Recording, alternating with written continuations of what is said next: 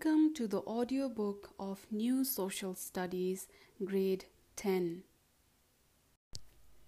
Unit 2 Development of Infrastructures of Development. Learning achievement of this unit.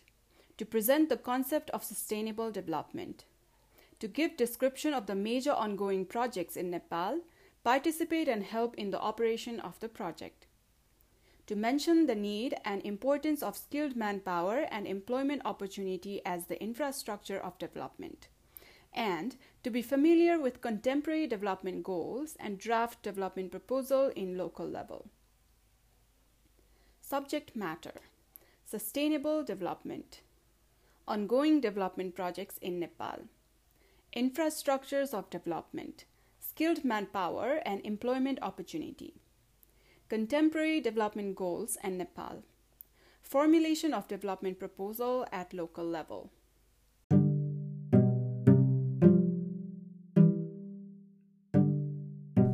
This podcast is dedicated to visually impaired students.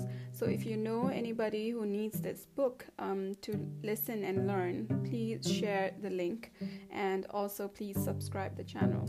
Thank you and all the best.